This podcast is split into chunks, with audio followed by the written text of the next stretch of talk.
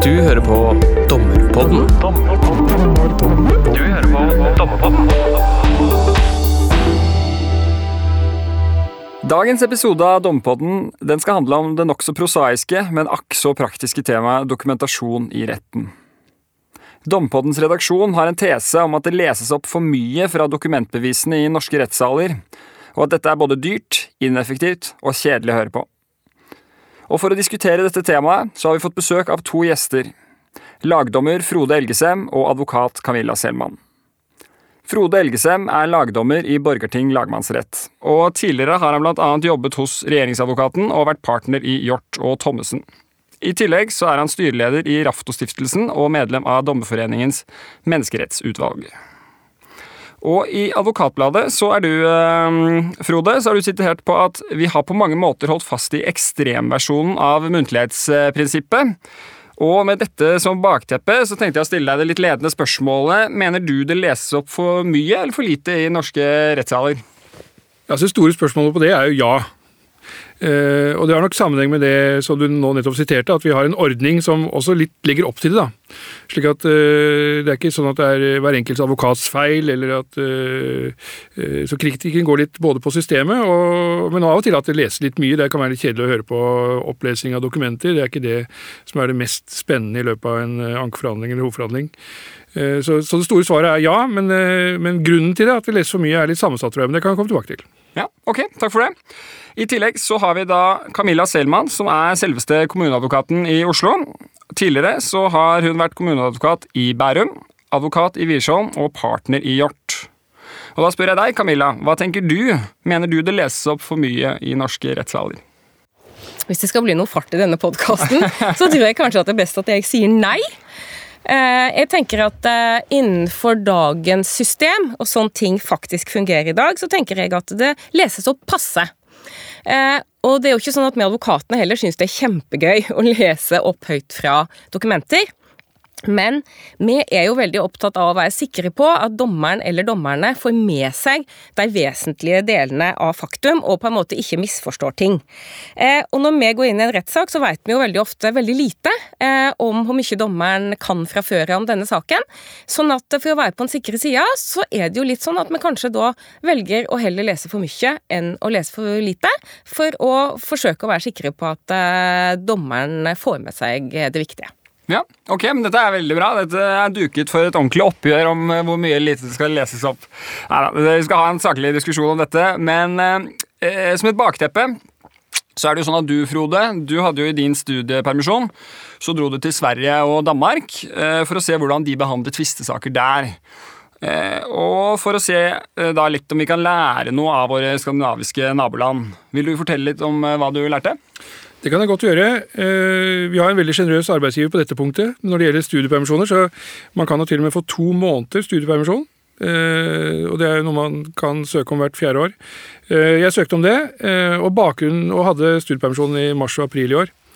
Og bakgrunnen for, at, for mitt prosjekt, da, det var det som jo er sagt i ganske mange utredninger etter hvert, at man behandler sivile saker mer effektivt i Sverige og Danmark. Altså at, eh, og særlig at hovedforhandlinger gjennomføres mer effektivt og tar kortere tid, både i Sverige og Danmark. Og så, det, så, prøvde jeg å finne ut hvorfor det var sånn, og det fant jeg ikke noe særlig svar på i de kildene jeg hadde umiddelbart tilgjengelig her. Så tenkte jeg får reise og se da, hvordan det er, eh, og fikk eh, lov til å gjøre det. Og fikk da penger til å gjøre, gjennomføre et sånt prosjekt. Så jeg dro da og besøkte eh, en eh, byrett utenfor København og, og, og Vestre landsrett i Danmark og, og Stockholm tingsrett og Svea hovrett.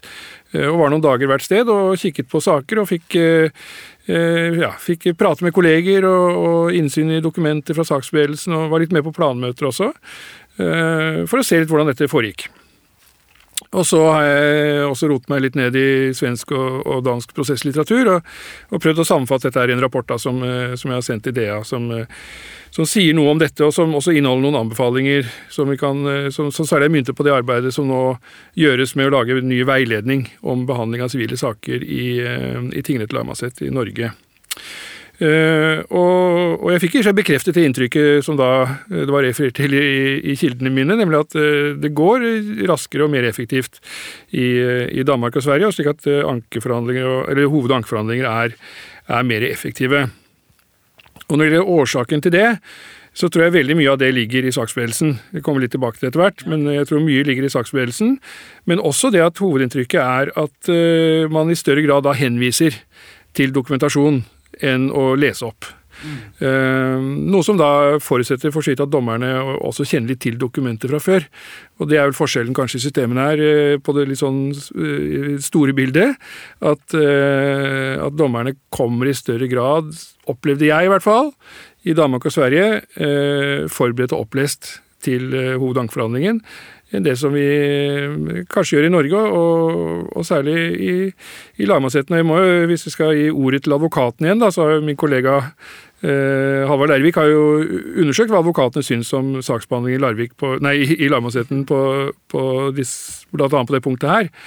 Um, og han sier jo litt à la det uh, som, uh, som kommuneadvokaten sier her, uh, Selman, at vi Advokaten må liksom få med seg det svakeste leddet, sier de. Informanten hans i lagmannsretten. Og det kan jeg i og for seg huske fra min egen tid som advokat også, at det måtte man tenke litt på. At det er ikke sikkert at alle er fullt opplest eh, på dokumentasjonen i saken. Eh, og da blir det litt sånn som vi har det, at, eh, at man heller dokumenterer litt for mye enn litt for lite.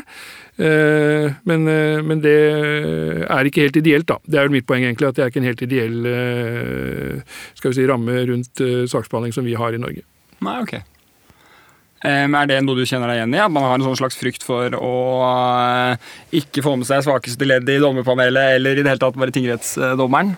Mm. Absolutt. Uh, og jeg tror jo kanskje det henger sammen med at dette er jo ikke noe vi snakker om på forhånd. Uh, ikke sant? Sånn at, og dommere er jo veldig forskjellige òg. Noen har lest seg opp, noen har ikke rukket det.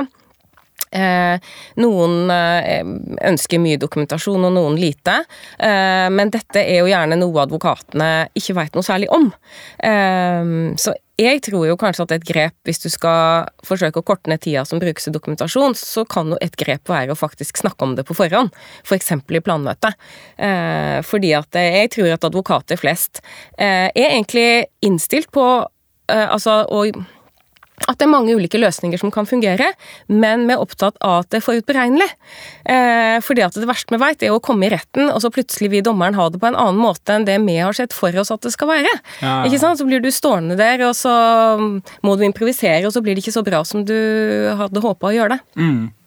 Og min erfaring, eh, hvis jeg eh, plutselig kommer på under første dag av hovedforhandlingen at eh, nei, du kan bare påpeke, du trenger ikke å lese opp, så er det altfor sent å komme med den informasjonen. fordi at selv ikke den flinkeste advokaten klarer da liksom å snu på en femøring og legge om opplegget sitt på stedet. Så jeg er helt enig med deg at det må nok komme mye tidligere i prosessen. da. Hmm. Eh, og så, eh, hvis vi da nå er vi jo litt uenige om premisset, om det leses opp for mye eller for lite i norske rettssaler, men eh, vi, et spørsmål vi uansett kan stille, er eh, er det nødvendig at det leses opp så mye som i dag, eller kan man lese opp mindre? Eh, og Da har jeg sett litt på kildene. Og Etter tvisteloven paragraf 26-2 så er det jo tilstrekkelig at dokumentbevis gjennomgås, og at man påpeker det som er viktig. Og Så sier forarbeidene litt mer. Eh, de sier noe om ytterpunktene. At du på den ene siden eh, så skal omfattende og detaljert lesing unngås, med mindre det er nødvendig. Eh, men på den andre siden så kan man heller ikke bare anse en hel samling dokumentert uten å være innom dem eller gjennomgå dem på et vis. Da. Så et eller annet sted imellom der så må man i hvert fall skulle lande, da. Har dere noen formening om hvilket handlingsrom man har etter de nevnte rettskildene? Jeg tenker Man har ganske betydelig spillerom, egentlig, ja. Eh, så lenge liksom, dokumentet er påberopt eh, i retten, og man eh, i nødvendig utstrekning forklarer hva det dreier seg om. Så, så, kan vel, så, kan dommerne legge vekt på det. Altså, dette har med kontradiksjon å gjøre. ikke sant? At det er klargjort for, part, for motparten hva man, hva man, legger vekt på i, i sin uh, argumentasjon. Um, og Så lenge det gjøres på en tydelig måte, så, så trenger man i prinsippet ikke lese forferdelig mye fra et dokument for at det skal være en del av beslutningsgrunnlaget vårt. da. Eh, så det, jo, det, beror på en måte da på, på, en videre vurdering av hva som er nødvendig, egentlig, mm. Eh, for den eh, enkelte advokat og, og for å få fram sitt syn da, og lese opp. Og så er det det elementet ikke sant, at Hvis du kommer tilbake til det, da, så hva, hvilken hensikt tjener den opplesningen? Eh, så kan det selvfølgelig være, en, Hensikten kan jo være å, å eh, på en objektiv måte fremstille saken. Mange kan jo tenke at eh, Det å forklare hva dokumentet går ut på, er jo også en litt sånn slippery slope. ikke sant? For det, det kan hende at motparten er helt uenig i den måten du, du, ser på det, og så får du en diskusjon rundt det. Det kan være et argument for å lese litt, for da står det der, og så har det på en måte, det er det objektivt det som står der, og så er det ikke noe mer å si om det. Så det kan være en type vurdering. Men, men eh, en sånn bekymring da, i forhold til det med, med, lesing, er jo at veldig mye av den lesingen brukes for å lære dommerne saken. Mm. Og det er jo veldig mange dommere veldig glad for, at vi gjør det. Ikke sant? Det, og, og, det å bruke det, det muntlige prosessen til å lære dommerne saken, er jo i den norske tradisjonen ansett som eh, den mest effektive og beste måten å, å formidle liksom, innholdet i saken på, og, og lære dommerne saken. Samtidig er nok en, kanskje også den dyreste måten å gjøre det på. Eh, I hvert fall for, hvert fall for klientene, eller for partene, mm. som skal betale for dette her. Eh, så vi, vi driver liksom den opplæringen litt på, på partenes regning, da. og, det er liksom det, og, og, da er vi tilbake til det som var hensikten bak um, tvisteloven av, 2000, som, som, fra, av 2005, som, som, jo kom i, i kraft i, i, i 2008. Uh, da skulle jo på en måte formålet være å effektivisere eh, behandling av sivile saker. Eh, dommerne og virkemidlet skulle være aktiv saksstyring. Eh, dommerne skulle ta fatt i saken fra starten av, sette den på riktig spor, avklare tvistespørsmål og bevisførsel og sånne ting, og hovedforhandling og skulle gjennomføres da Eh, mye mer effektivt enn før. Det er en sånn rød tråd gjennom hele begrunnelsen. Og, og, og, og Poenget med det var at uh, det var blitt altfor dyrt å føre sivile saker. Domstolen domstolene var ikke tilgjengelige, for, ikke særlig for de små og mellomstore sakene. Det var på en måte den store bekymringen, ikke sant? og det, man skulle endre på dette. her. Uh, og så tenker jeg at vi har holdt veldig fast i den tvistmålsloven, altså. Eh, vi, vi, har vært dårlige, både, sikkert både fra dommersiden og advokatsiden, til virkelig å, å, å den, få gjennomført den endringen da, som tvisteloven egentlig forutsatte. Ja, og egentlig selv om det kanskje er rom for da, ikke sant, å gjøre det mye mer effektivt etter tvisteloven, så er det en del sånn, kultur som henger igjen da, fra tvistemålsloven. Er det, er du, tenker du også i de baner, eh, Camilla? eller hva? Absolutt. Jeg er helt enig i det Frode sier. Eh, og jeg tenker at eh, loven, tvisteloven, gir jo et, et, stort spillerom som vi bare stort sett ikke bruker, egentlig. Ja. Men hvorfor er det sånn, da? Nå har du vært litt inne på det, Frode. Det er noe med kanskje sånn tradisjon og at sånn gjorde vi det før etter tvistemålsloven. Er det er det årsaken til at vi, hvis vi nå holder oss til det å lese opp mye da, i retten, som er denne, det denne episoden dreier seg om, er det, derfor, er det derfor vi leser opp så mye? Ja, jeg tror at en del av det handler om eh, tradisjon. Også, men det, det, jeg har sagt er jo om den derre at um, ikke sant, det er det at du ikke veit hvor mye dommeren har satt seg inn i saken. Og mm. da er det jo stort sett som advokat smartest å legge til grunn at dommeren ikke har satt seg så veldig inn i saken. Eh, og hvis du da har tid, Eh, ikke sant? Så bruker du jo den tida til å forsøke å få framstilt saken eh, fra din parts synspunkt. Ikke sant? Mm. Eh, sånn at jeg tenker jo òg at det med tida eh, har jo òg betydning her. Eh, for hvis det er satt av mye tid til saken, så er jo gjerne dynamikken litt sånn at vi advokatene bruker den tida vi får. Ja. Eh, ikke sant? så hadde vi hatt mindre tid, så tror jeg jo òg at det fort hadde blitt mindre dokumentasjon. Ja, ikke sant.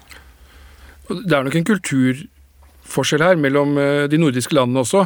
Slik at vi, som jeg da er sitert på allerede, vi har, vi har på en måte holdt fast på ekstremversjonen av muntlighetsprinsippet. Mm. Uh, og jeg husker jo selv, jeg var advokat uh, når, når tvisteloven kom i 2008, og, og uh, synes jo dette med nye, uh, nye former på innledningsforedraget var veldig uh, utfordrende, for å kalle det Vi ville jo gjerne, ikke sant. Vi ville jo, og vi, vi leste amerikansk prosesspsykologi eh, og sånn, ikke sant. Og man må liksom være tidlig ute, dommerne tar standpunkt på et tidlig tidspunkt. Man må være på fra liksom Eh, retten settes, og, og, lure inn så mye vi kan av prosedyre.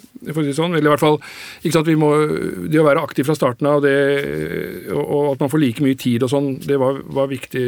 Og vi, vi, strittet vel egentlig imot fra advokatsiden på mange måter, eh, tenker jeg. Eh, men, eh, men så ser vi da det store, liksom det, det rake motsetningen nesten, er Danmark, hvor, eh, hvor man har en enda mer, enda tydeligere skal vi si, saklig form på, på innledningsforedraget, hvor, hvor det er bare saksøker som forelegger saken for, for retten. Og motparten kommer ofte ikke med noen bemerkning i det hele tatt, men kanskje noen få sånne innspill underveis. Så, og, og dette er advokatene lojale mot, og har, en, eh, har et opplegg som Og de tar jo da gjerne eh, en halvtime eller times tid og får liksom presentert saken for, for, eh, for retten, før man da går over til en bevisførsel, vitneførsel. For å sette litt på spissen, Hva kommer det av at de danske advokatene er så lojale, men at vi, vi, vi kunne ikke sette for oss det i Norge? Kunne vi det? Jeg vet ikke. Jeg tror det ville vært vanskelig å få eh, det gjennomført i Norge. Eh, og det går jo lenger i og for seg enn det tvisteloven sier òg, altså. Eh, men, eh, men det er i hvert fall interessant å se da, et, en rettskultur som er veldig nær vår. Eh, har, et, har, en, eh, har en kultur som er, som er litt annerledes da på dette punktet her, og som åpenbart fungerer godt, og som medfører at sakene, de, de, de sivile sakene, tvistesakene i danske domstoler går veldig raskt. Altså, eh, der alle dommere jeg snakket med i, i Danmark, eh, sa at en sivil sak tar en dag. Yes. Stort sett. Og det, De har saker som går lenger der også, kanskje de har også større innslag av mindre saker. hva vet jeg, Men, men det var liksom, eh, hvis det tok mer enn en dag, så var det litt, litt spesielt. Så de, eh, de var klart mer effektive enn det vi har. Det motsatte er jo tilfellet i norske rettssaler. At liksom, En endagssak er jo veldig sjelden. Det er, sant? det, er, jo sjeldne, det er den ja. sjeldne fuglen. Ja. Så, øh, så, så sånn sett tror jeg det er, øh, det er mye kultur her, og, og øh, sånn sett er det en litt tung, tung skal vi si, kultur å snu på også, sikkert. Jeg har tenkt litt på eh, altså dette med at eh, dommerne setter jo streker i eh, dokumentsamlingen. Er det Og at ikke sant, eh, Det som ofte skjer, er at en advokat leser opp et avsnitt fra et eller annet dokument, det være seg et vedtak eller en kontrakt, kontrakt, eller noe, og så setter man en strek ved siden av det avsnittet som ble lest opp. Eh, Og om det gir en sånn rigid oppfatning av sånn Da er det dette avsnittet som er dokumentert og kan vektlegges. Eh, Er det noe som Har dere advokater noe forhold til at dommerne har en så liksom En så rigid opp, eh, tilnærming til dokumentasjonen? Dette strekesystemet? Jeg tror ikke at vi er så kjempeopptatt av det. Nei. Eh, jeg tenker i hvert fall sånn at så lenge jeg har slått opp i dokumentet og sagt noe om liksom dato og hvem det er til og fra, og deretter redegjort liksom for hva dokumentet inneholder, eh, så må, da kan dommeren sette den streken, for å si det sånn. Og at jeg trenger ikke å lese alt sammen. Mm. og jeg er ikke så opptatt av om jeg Vi ser jo ikke hvorvidt dommeren streker eller ikke streker, liksom. Nei. Så jeg tror ikke egentlig at vi er så opptatt av det. Nei. Ehm, Jeg har bare hørt noen historier om at dommere som så spør eh, Leste du til den tredje eller fjerde linjen hvor jeg skal sette streken? Og da, Det kan jo kanskje tyde på at uh, man tenker at bare der hvor streken er satt, er det også dokumentert og lov til å legge vekt på det da, eh, i, når man skal treffe avgjørelsen. ja, og hvis jeg hadde fått den type spørsmål fra en dommer, så ville jeg jo kanskje bli litt mer opptatt av å lese mye, og ikke i så stor grad liksom referere hva som står i et dokument eller i et avsnitt. Ikke sant? Men det er jo, der er jo dommerne utrolig forskjellige. Eh, ikke sant? Noen er på det hakket der, eh, noen er ikke der i det hele tatt. Jeg har jo opplevd en dommer som ville at, vi skulle, at jeg skulle angi hvilke avsnitt jeg ønska å lese, og så skulle alle lese det inni seg. Ja. Så da satt vi i taushet, liksom, eh, mens alle satt og las inni seg de tre avsnittene som jeg hadde da Hvordan syns du det var? pekt på.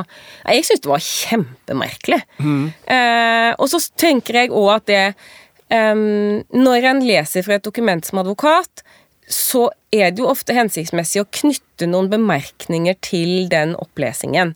Det kan være ord og uttrykk en ønsker å forklare. Det kan være at en ønsker å si at 'jeg leser dette fordi det har betydning for dette rettslige spørsmålet'. Det kan være at det dukker opp et navn, og at du ønsker å si at denne personen kommer og vitner, eller et eller annet. Eh, og med den der varianten der de alle sitter og leser inni seg, så mister en jo de mulighetene da, for å på en måte sette dokumentet i en litt større kontekst, eller, eller knytte noen bemerkninger til det. da. Ja. Ikke sant? Jeg tenker at også noe av eh, eh, problemet her er nok eh, at det legges frem veldig mye dokumenter òg. Altså eh, litt ukritisk, tenker jeg, fra advokatenes side. Altså en rettssak, eller en sivil sak i, i dag eh, skal ikke være så veldig omfattende før du har et, i lagmannsretten et utdrag på 1000 sider. Um, og, og gjerne sånn at det kommer inn i det på slutten, bare sånn for sikkerhets skyld. Eh, Og som vi aldri ser igjen i, i ankeforhandlingene i det hele tatt. Um, eh, og da kan det være et, kanskje et lite problem, men, men uh, det som er problemet med det, er at uh, det blir ganske vanskelig for dommeren å forberede seg til saken. Som jeg tror er eh, Dette henger litt sammen ikke sant, med hvor mye man trenger å dokumentere og trenger å lese opp. Um, eh, hvis, det er en, eh, hvis du får da en uke før ankeforhandlingen hos oss da, et utdrag på, på 1000 eller 2000 sider, så er det helt uegnet til å forberede seg til den saken. Det er ikke noe vits i å begynne å slå opp i den engang, for det, det er eh, Ja, eh, det er liksom eh, uhåndterbart. Um, og, der, og det betyr at man kommer i, må få den veiledningen som advokatene gir i hovedforhandlingen eller ankeforhandlingen, gjennom det der mylderet av dokumenter som man har blitt lastet ned med. Så det er på en måte en litt sånn oppfordring til, til advokatene om om å være litt pålen med hva man legger fram. Altså, for det, det er, eh, storparten av det man, ser man aldri igjen i, i hoved- eller ankeforhandlinger i det hele tatt. Um, også hvor legger frem, liksom, Man legger frem hele eh, NS-en, f.eks. Man legger frem eh, kontrakt på, på 50 sider ikke sant, og skal bruke tre artikler der, eller paragrafer der. ikke sant, og sånn.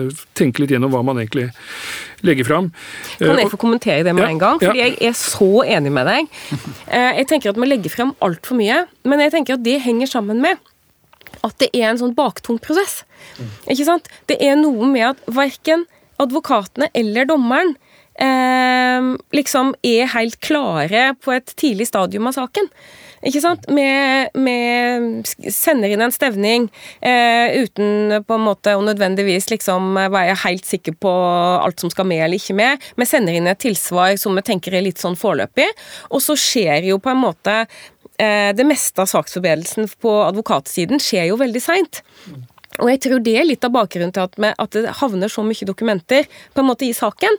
Eh, fordi at det er mye som legges frem for sikkerhets skyld.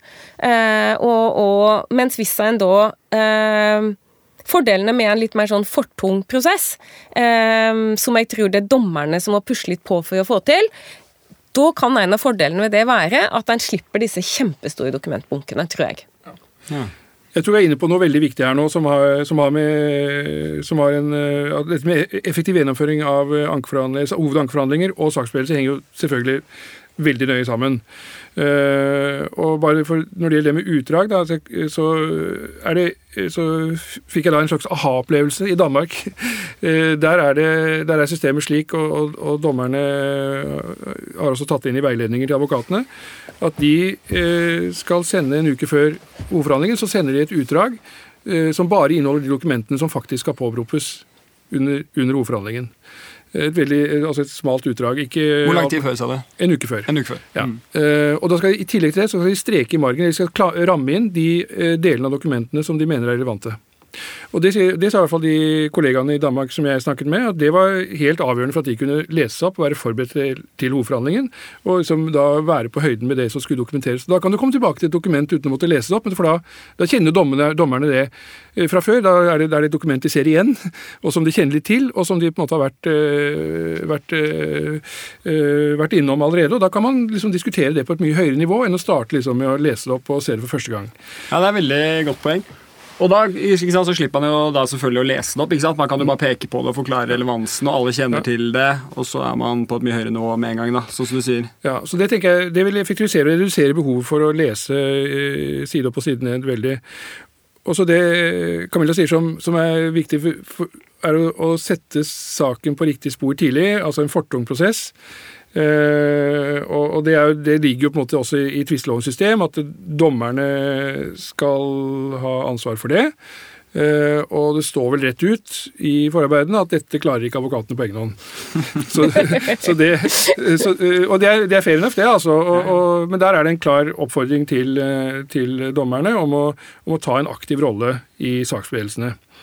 Og der også, Hvis vi går tilbake til eh, det beste eksempelet der, er grunnen fra Sverige, hvor de, hvor de jo eh, har, eh, bruker planmøter, eller sammentrede som de kaller det der, mye mer aktivt. Så det er mye mer omfattende planmøter. Kan gjerne ta en halv dag eller en dag. Eh, Og som da også har et eh, Eller ender ut i en, eh, en sammenstilling av eh, sakens faktum, altså hva man er enige om, bakgrunn, ramme eh, og krav, anførsler eh, listet opp. ikke sant? Så du har på en måte rammen rundt saken tidlig, og så fortsetter da eh, saksbevegelsen etter det, etter en plan. Um, og det styrer på en måte hele saksbevegelsen eh, etter en sånn felles og omforent da, sett av, av tvistepunkter som, som, som gjør det hele mer, mer, si, mer effektivt. Og Som sikkert også er solsiden av det, av det svenske systemet. altså det er sikkert mye der også, men, ja, men Så, så det, det tenker jeg er noe vi bør jobbe med. Å få en mer fortung prosess. Eh, og få styrt saksbevegelsen en, eh, etter en plan som, som, eh, som, er som er basert på sånn, et, et grundig planmøte hvor man har avklart tvistepunkter og osv. Um, og jeg kan si at de, danske, de danske veiledningene sier at, at man forventer at saken skal være ferdig forberedt til planmøtet. Ja, det var en annen uh, lyd fra da kan du starte Da kan du starte å kjøre en uh, mer effektiv og styrt prosess. Ja. ja, fordi at ikke sant, Hvis eh, det er sånn at vi kan, ifølge tvistelovens forarbeider så kan vi ikke forvente at advokatene skal eh, dra lasset på egen hånd. Altså Dommeren må være, er den som tar grepene for å få eh, ja, en effektiv og konsentrert hovedforhandling. da, i litt sånn forenklet, Og at opplesning av dokumenter da kan være en del av det. Eh, hva tenker du, Camilla, kan være noen grep som dommeren kan gjøre da, for å oppnå det formålet? Jeg har jo veldig tro på en litt mer aktiv bruk av planmøte. Fordi min erfaring er i hvert fall at mange planmøter nå eh, er dårlig forberedt fra alle som deltar. Eh, Det sendes ut en sånn standardagenda eh, med masse punkter som eh, ikke nødvendigvis passer på den konkrete saken. Og så går jeg gjennom deg litt sånn overfladisk, og så handler planmøtet stort sett litt sånn om den mer sånn tekniske gjennomføringen av hovedforhandlingen, på en måte. Eh, Så jeg tenker jo at en godt kunne brukt planmøtet mer aktivt, og en kan jo tenke seg flere planmøter i, en sak. Ikke sant? At når det nærmer seg hovedforhandling har et nytt planmøte, der en snakker f.eks. om hvor mye skal dokumenteres, hva kan vi forvente at dommeren eh, har lest på forhånd. Eh, kanskje òg litt sånn å se på tidsplanen sammen. Nå er jo det noe som advokatene driver og lager seg imellom. Eh, jeg tenker jo at eh, en kanskje kunne få en mer effektiv hovedforhandling òg ved at dommeren Forutsatt at dommeren kjenner saken, at dommeren òg på en måte har noen meninger om tidsplanen. Ja. Men det forutsetter egentlig at eh, både advokatene og dommeren kan en del om saken for at man skal få den matnyttige eh, diskusjonen i planmøtet. da. For sånn som du er inne på, så opplever jeg ofte at det er jo ingen av oss som kan saken, fordi advokatene har ikke kommet så langt i prosessen, og da kan jo heller ikke dommeren lære seg hva det egentlig dreier seg om. Em, men eh, det er, så, men er det sånn eh, Jeg mener jeg husker fra rapporten din, eh, Frode, at, at saksforberedelsen også slutter avsluttes liksom lenger før hovedforhandlingen i Sverige og Danmark? Det er ikke sånn dramatisk mye lenger, men, det, men eh, regelmessig i hvert fall noen uker eh, tidligere enn hos oss. Ja, ok. Eh, Begge deler, begge steder. Så, Så, så de avslutter s- ank- saksbehandlingen tidligere. Eh, Og med da de samme virkningene som vi har, da. Med, med begrensninger i nye anførsel og bevis osv. Men hvis jeg har lyst på, på et konkret eh, verktøy til min neste, min neste sak, da, kunne jeg f.eks. i planmøtet sagt at eh, jeg har lyst på en leseliste fra dere, et utdrag, som vi blir enige om at inngår i det skriftlige avgjørelsesgrunnlaget, og at dere markerer hva det er som skal dokumenteres der. Og så leser jeg det på forhånd. Og så skal det ikke leses opp eh, under hovedforhandlingen. Det skal bare pekes på og kommenteres eh, under hovedforhandlingen. Hadde det vært eh, noe man kunne gjort? Jeg tenker at det i utgangspunktet går bra. Jeg har jo nå Det skjer jo en del sånne saksbevegelser som man aldri ser som dommer, og det er jo alle de der brevene som går om pålegg om utdrag og sånne ting, som går fra saksbehandlerne. Så, men her om dagen så, så jeg på det pålegget om utdrag som går fra saksbehandler lagmannsretten til advokatene, og der står det jo faktisk Ja. at man bare skal ta med de dokumentene som er relevante i det utdraget. Men det er det visst ingen som leser. Så, så altså det, i hvilken grad da man kan kreve utdrag i, i tingretten, er jo litt sånn øh, Det er jo, ja, det er jo ikke så øh, stor åpning for det i øh, utdragsloven, men, Men man, så, vi kunne vel blitt enige om alle, alle sammen at, Ja. eh, man, altså, at man noe skal dokumenteres eh, skriftlig, da, hvis advokaten også syns det er en god idé? Det er det som er så fint med sivile saker, man kan bli enig om en god del. Mm. Både, både om eh, faktum og, og andre ting. At, eh, og det, det bør man kanskje utnytte mer. ikke sant? Altså Avklare i større grad i forkant hva man faktisk er enige om. Og ikke at det blir en sånn overraskelse under, eh, under hovedforhandlingen. Mm. Um, og det, det ligger jo i det som så hvis man tenker seg nå en mer aktiv bruk av planmøtene, og en mer systematisk gjennomgang av, eh, av eh, ja, hva, hva som er tvistepunkter, hva som ikke er det, er, eh, hvilke anførsler som, er, så, som, vil, vil komme, og hvilke beviser som skal underbygge hvilke eh, anførsler og påstander osv., så, vil jo det være eh, vil jo det systematisere hele saksbevegelsen. Og det, det være, og det, det ligger vel egentlig i stor grad uh, tvisteloven opp til at man skal gjøre, faktisk. Eh, så det er jo på en måte bare å komme mer tilbake til det som var uh, utgangspunktet og, og egentlig formålet med, med tvisteloven. Ja. Så jeg tror, det er, jeg tror det er rike muligheter for å utnytte uh, planmøtet bedre. og bli enige om mer. Eh, og legge en plan eh, på bakgrunn av det. Og man kan jo tenke seg, sånn, Teoretisk kan man tenke seg at det som vi skriver i dommene altså Vi skriver da sakens bakgrunn, vi skriver partenes anførsler. Det skriver vi jo gjerne da etter hovedforhandlingen. Langforhandlingen. Man kunne tenke seg at man skrev det i forbindelse med planmøtet, f.eks. Altså fall utkast til det. Mm. Det er samme jobben. Men, eh, men eh, det er ganske nyttig å, være så, å ha, det, altså ha akkurat sakens bakgrunn og partenes anførsel klart så tidlig som mulig. Det kunne vært ganske nyttig, egentlig. Mm. Ha, har du noen tanker om eh, andre grep man kunne truffet for å eh, få lest mindre under hovedforhandlingen? Eh, Jeg tenker at man altså hoved, Hovedgrepet tenker jeg er at man flytter tid fra hovedforhandling til eh, saksberedelse. Eh, og at dommerne får, får da blitt satt bedre i stand til å, å forberede seg og lese seg opp på saken. Eh, Og det har både da med tid gjøre, å gjøre, selvfølgelig, men også at eh, advokatene er innstilt på å bidra ved f.eks. Å, å, å være mer presise på hva som skal brukes under hovedforhandlingen av dokumentasjon, altså hva som virkelig er relevant. Eh, Og at man også kanskje da i større grad bruker denne muligheten som man har i dag, mener jeg, til å lage sammendrag av, av sakens faktum og partenes anførsler på et tidlig stadium, så man har det klart. Og da vil jo det følge saken, også i lagmannsretten hvor jo er tre dommere som, eh, som ja, ofte kommer ganske sent inn i saken, så vil det i hvert fall ligge materiale der som gjør at det er mulig å, lese opp og komme bedre forberedt, forberedt til ankeforhandlingen. Mm. Så det er noen grep som er mulig å gjøre. Kunne man eh, Hvis man ikke skal gjøre helt som i Danmark, da, med at eh, den foreleggelsesmetoden ved at det bare er saksøker som dokumenterer, men at man da benytter seg av dette Altså den praksisen med at man lagde et sånn leseutdrag.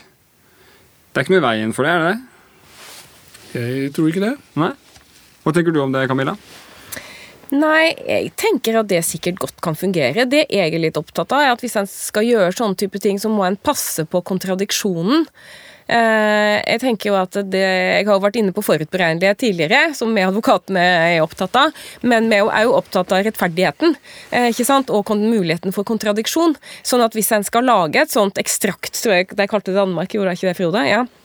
At hvis du skal lage et sånt ekstrakt, du markerer eh, med ramme hvilke deler av dokumentene som du vil, som skal, eh, ja, som inngår i avgjørelsesgrunnlaget, så tenker jeg at da må det jo være en prosess i forkant som gjør at, eh, at, at begge sider kan komme med nye, nye avsnitt, nye dokumenter inn i et sånt eh, dokument, eller inn i et sånt ekstrakt, da. Ikke sant? Fordi eh, som saksøker ikke sant, så starter du kanskje med et innledningsforedrag, og du dokumenterer det du syns er viktigst. Eh, så kommer eh, saksøkte eh, og dokumenterer kanskje litt andre ting. Og da veit du jo at du ofte har muligheten som saksøker til på et eller annet tidspunkt å få lov å supplere dokumentasjonen din. Ikke sant? Eh, på bakgrunn av det som kommer fra saksøkte, så har du mulighet til å eh, ikke sant, peke på noen nye dokumenter, kanskje i forbindelse med vitneforklaringene, eller at du bare ber om ordet for å trekke frem noen nye dokumenter. Og det er jo litt viktig, sånn at en får en skikkelig kontradiksjon. Eh, sånn at hvis et sånt system med disse ekstraktene skal fungere, og at en på en måte skal føle seg trygg i det, så må det være noen sånne muligheter der, da. Ikke sant? Sånn at kontradiksjonen blir god nok, sånn at eh, den dommen som kommer ut på andre sida, blir så riktig som mulig. Så Ideelt sett så burde man jo, øh, og det er situasjonen i Danmark, i seg, så burde, man, så burde advokatene samarbeide om dette. ikke sant? Sånn at øh, Hvis man skal lage et sånt øh, leseutdrag, så, så er det noe som advokaten da gir innspill på fra hver sin side, og så får man et utdrag med, med det som er relevant, og det som kommer til å bli, i hvert fall slik planen er når man lager det, kommer til å bli påberopt under hoved- langforhandlingen.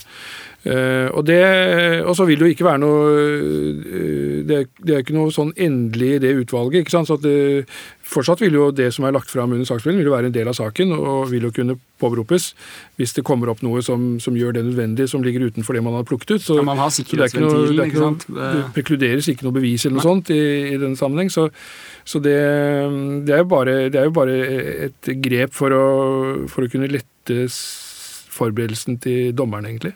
Eh, så et praktisk grep. Ja, altså, Men kan man ikke også tenke seg at det vil gi en fordel for eh, Eller i hvert fall for en åpen prosess. ikke sant? Som advokater så lurer du kanskje litt på hvor motparten kommer fra. ikke sant? Og så hvis begge to da må komme et ekstrakt en uke eller to i forveien, så er det sånn ah, Det er der motparten har tenkt å legge inn støtet. Um, det vil jo selvfølgelig kanskje være En del advokater vil jo synes at det er uheldig av strategisk ikke sant? Man har lyst til å holde korta tett i brystet, og så vil man ikke Jeg vil ikke avsløre egentlig hva som er strategien før man er i retten. Men uh, det er vel en del tid som kunne vært spart hvis man visste egentlig hva saken dreide seg om uh, en uke eller to uh, før. Absolutt, og jeg syns ikke det er særlig beskyttelsesverdig, egentlig. Nei. Fordi at det handler jo litt om å overrumple eller å på en måte forsøke å få en fordel fordi motparten ikke har fått forberedt seg skikkelig på det du kommer med. Og det, det syns jeg ikke vi skal oppmuntre til, rett og slett. Nei, Men det er ikke eh, uvanlig, tror jeg? Nei, det, det kan godt hende at det ikke er uvanlig, men jeg syns likevel at det er en uting. Ja. Eh, fordi at målet må jo være at den dommen som kommer ut, er riktigst mulig. Eh, og hvis du får sånne overrumplingsvarianter, så kan jo resultatet bare bli at du ikke får en riktig dom. Og da kommer det jo fort en anke òg, da. Mm. Ikke sant? Sånn at Jeg tenker jo at det er en ganske korttenkt strategi. For hvis du overrumpler motparten i tingretten, eh, og vinner på en overrumplingstaktikk, så kommer det jo bare en anke, da. Ja. Ja, og man skal jo være ja, Det er det som amerikansk kaller, kalles uh, trial by ambush. Ja. som, som, jo har noen uh, ulemper, altså, for det, det kan hende at dommerne er like forvirra som motparten når det hele er over. Uh, så, så, det er ikke sikkert at det er en god idé. Men, men Og jeg tenker altså fra, fra, fra dommerbordet så vil det være veldig mye bedre å, å få muligheten til å komme inn i en uh, hovedforhandling, rankeforhandling, uh, godt forberedt og med kjennskap til hva som i hvert fall i hovedsak kommer til å komme, så man kan få uh, en, en, god diskusjon. Man kan stille riktige spørsmålene, få avklart de tingene som trenger å avklares gjennom, gjennom forhandlingene i retten. og Det, det vil øke kvaliteten på på dommene og på behandlingen hos oss, og vil jo gjøre det mye morsommere òg. Altså ja. Mye mer interessant å, å være i noen forhandling enn å sitte her og, og liksom hele tiden få nye, se nye dokumenter for første gang og tenke hva, hva betydde, betydde egentlig dette? Mm. Og så kommer man på da litt sånn nedover veien, og det var det visst, ja. Og så må man stille spørsmål om det som kommer litt sånn i etterkant, istedenfor å være på, da. Ja. Og så ha en god sånn uh, faglig diskusjon rundt det som saken egentlig gjelder. Så, så, jeg tenker at det vil være bra for alle, egentlig. Og, og ja, i hvert fall fra dommersiden så så er vi ikke så veldig glad i sånne, sånne over, overraskelser. Ja, altså, så har det jo en side til eh, sakskostnadene. ikke sant? At hvis eh, Si at det ene advokatteamet da, forbereder eh, påstandsgrunnlag og mulige innfallsvinkel A, B, C, D, F, G, liksom hele alfabetet, og så kommer det i retten, og så viser det seg at det bare var eh, tre av bevistemaene som egentlig var der de skulle sette inn støtet, så har man jo kasta bort hundrevis av timer potensielt på masse som det viser seg at man var enige om eller ikke var så relevant eh, for uh, saken. Uh, og så må man kanskje da jobbe massevis av timer på kvelden og i helgen til ens eget innledningsforedrag kommer, da, hvis man da er saksøkte. ikke sant? Og så for å hive seg rundt og møte denne nye vinklingen til saksøker, f.eks. Eh, og da det, det, er jo ingen som liker å jobbe i helgen, og det er ingen som liker å betale for det heller. Så det, det er jo sånn sett også en ulempe, vil jeg tro. Absolutt. Jeg tenker at du er inne på noe eh, veldig viktig der, altså for det mm, som har å gjøre med det vi har snakket om allerede. ikke sant? Dette med å få, få saken på et riktig spor, eh, få en eh, omforent forståelse om hva som er tvistepunktene, slik at forberedelsen kan gå etter en plan som, er, eh, som leder inn mot en, en hovedforhandling som dreier seg om det den skal dreie seg om. Og jeg tror liksom det er hvis vi tenker på å effektivisere saksbehandlingen her, så, det, så har vi snakket om det med hovedforhandlingen. altså At uh, man må redusere liksom behovet for å gjennomgå all dokumentasjon fullt ut i hovedforhandlingen, ankeforhandlingen, for det ved at man kan flytte tid til, til saksberedelsen. Men så tror jeg også at det skjer, uh, sånn som du nå sier, Mikkel, også, det skjer en del arbeid under saksberedelsen som egentlig er litt eh, i hvert fall unødvendig, eller i hvert fall ikke går helt i riktig retning alltid. da. Ikke sant? Og, og vi ser jo, vi sitter jo også og ser, følger med på prosess, utvikling av prosessskrift mellom partene ikke sant? under saksberedelsen.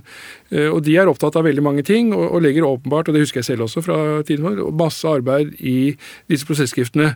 Men som da eh, har eh, ja, varierende betydning da, når dommen først skal skrives og, og sånn, og, og også i varierende grad egentlig bidrar til å forberede hovedforhandlingene så veldig godt i langforhandlingen. Så, så hvis man får styrt det arbeidet der, mer inn mot liksom sakens virkelige tvistetemaer, så, så tror jeg vi kunne effektivisert dette eh, godt, altså. Eh, og det bare for, for litt sånn slagordmessig, så tenker jeg at det som, vi, det som vi nå kanskje i stor grad holder på med, er en mer sånn teknisk forberedelse av hoved- og ankeforhandlingen. Det er det saksberedelsen går på. Men det vi må over på at vi må starte liksom den dømmende virksomhet med en gang vi får saken. Altså Vi må starte å forberede selve avgjørelsen med en gang. Og begynne å rydde og styre og få det på riktig spor. Få bort ting som ikke er relevant, og få liksom saksberedelsen inn på det den skal dreie seg om, og som, som er viktig for avgjørelsen i saken. Men til dette med, hvis vi bare dveler litt eh, Som dere sikkert merker, så har jeg hengt meg veldig opp i dette leseekstraktet, som jeg syns virket eh, veldig forlokkende interessant. Eh, innvendingen vil vel kanskje være at advokaten gjør leseekstraktet for stort, i fare for å ikke få med seg alt det man tenker kan være relevant. ikke sant? Og plutselig sitter dommerne med å lese hundrevis av sider før hovedforhandling, og så går vinninga opp i spinninga, i hvert fall for dommerens del. da. Hva er, hva er svaret på det? Da har jeg sendt det tilbake igjen og gjør- ber han gjøre det en gang til. Eller Ja. hun. Ja, og så høres det jo kanskje ut som svaret er litt at det er satt av én dag til hovedforhandlingen. Ikke sant? Og da eh, er jo det veldig oppdragende for advokatene, for da må du jo, da vet du jo at du har veldig begrensa tid, så da må du jo virkelig på en måte mm, single ut det som er det aller viktigste. Og så ble jeg jo veldig beroliga når du sa, Frode, at det var alltid en sikkerhetsventil. Ikke sant? Det var ikke sånn at resten av dokumentene som var framlagt i saken, var på en måte ute. De kunne du bringe inn igjen hvis det var behov for det. Ja, det hørtes jo veldig fornuftig ut. Mm. Ikke sant? Ja da, det er ikke noe, det er ikke noe rettslig grunn Hege, for å, for å utelukke det. Så det med utdrag er jo bare, altså, alt rundt utdrag er jo bare en praktisk, praktiske regler, egentlig. Og En annen ting som jeg har tenkt på som, eh, som jeg mener er et gode med en mer sånn påpekningsorientert dokumentasjon, en sånn opplesning, er at eh, det tvinger jo også advokaten til å presentere dokumentets relevans og sette det i en kontekst i mye større grad. Enn eh, noen ganger i innledningsforedrag så opplever du at eh, da skal vi slå på side 132, og det er en avtale, og så bare begynner man å lese. Og så må man forstå sammenhengen selv. da. Mens når oppdraget er å påpeke og, eh, hva det er som er eh, relevant med dette dokumentet, så blir man som, da blir hele prosessen annerledes. For da må du sette det i en sammenheng for at det skal gi mening for de som eh, hører på. da. Så det var en liten eh, refleksjon fra min side. um, ok, eh, da tror jeg vi eh, begynner å nærme oss eh, å gå inn for landing her. Er det mm, Har du noen sånne siste avsluttende tanker om hvordan du mener dette bør foregå fremover, Camilla? Jeg tenker jo at jeg gjentar meg selv litt nå, men jeg mener fortsatt at en litt sånn lavthengende frukt er en mer aktiv bruk av planmøte. Ja. Eh, og kanskje òg En kan tenke seg et fysisk planmøte, et bedre forberedt planmøte, kanskje to planmøter i noen tilfeller. Men jeg, tror at en del kan at, ja, at ganske mye kan løses ganske enkelt ved en mer aktiv bruk av planmøte. Ja, Ok. Jeg tror det ligger der, ja. Så vi kan utnytte planmøtet mye bedre. eh, Og det vil også da skyve Og det vil jo det hvis dommerne begynner å, å, å legge mer arbeid i det, eh, og får tid til det, da. Vi må jo få tid til det òg. Så, så vil jo det også tvinge de andre aktørene til å, å være forberedt til planmøtet, da. Og, og ha gjort tilstrekkelig forarbeid når, når planmøtet begynner. Så, så jeg tror mye ligger der. Eh, og den klargjøring som ligger der, det å ligge en plan, en god plan for eh, saksbehelsen, så at eh, det som, arbeid som gjøres der, er målrettet og, og, og i samsvar med det retten tenker også er nyttig. tror jeg er viktig, og, så er det, og Da vil også eh, behovet for, eh, for opplesing og dokumentasjon reduseres i hovedforhandlingen og ankeforhandlingen. Eh, og som gjør ankeforhandlingen og hovedforhandlingen kortere. Da. Det er jo noe av poenget her. Og så da bringer vi oss tilbake til det som egentlig er utgangspunktet, tenker jeg. Og det er målsettingen i, eh, i tvisteloven, bak tvisteloven om å være mer, at domstolen skal være mer tilgjengelig. eh, Ikke minst for de små og mellomstore sakene. Altså at eh, Det er, bare, det er bare blitt dyrere å føre saker i norske domstoler, og det eh, er det fortsatt behov for å gjøre noe med. og, og det å og dette er på en måte ett bidrag. Det er mange grunner til at det er dyrt å føre rettssaker, selvfølgelig, og dette er ikke den eneste, men, men eh, det å effektivisere saksbehandlingen er jo ett bidrag i hvert fall fra domstolenes side til å, til å gjøre domstolene mer tilgjengelig. Ja, Og gi eh, bedre access to court, rett og slett. Ja. Nei, men Jeg syns det er en bra note å avslutte på. Jeg. Så jeg tror jeg vi setter strek der. Eh, tusen takk for at dere tok dere tid til å komme hit og prate med meg i dag. Bare hyggelig. Takk for det. Mitt navn er Mikkel Østdagen Hamar, som sammen med Ragnar Lindefjell og Ola Berg Lande utgjør redaksjonen i Dommepodden. Vi høres! Du har hørt på Dommepodden. Dommepodden er en podkast fra Norges domstoler og er først og fremst ment som et kompetansetiltak for dommere. Hvis du har ris, ros, forslag til temaer eller folk vi kan prate med, så er vi glad for å høre fra deg, og da kan vi nås på podkast at domstol.no. Ha en god dømmende hverdag så lenge. Vi høres.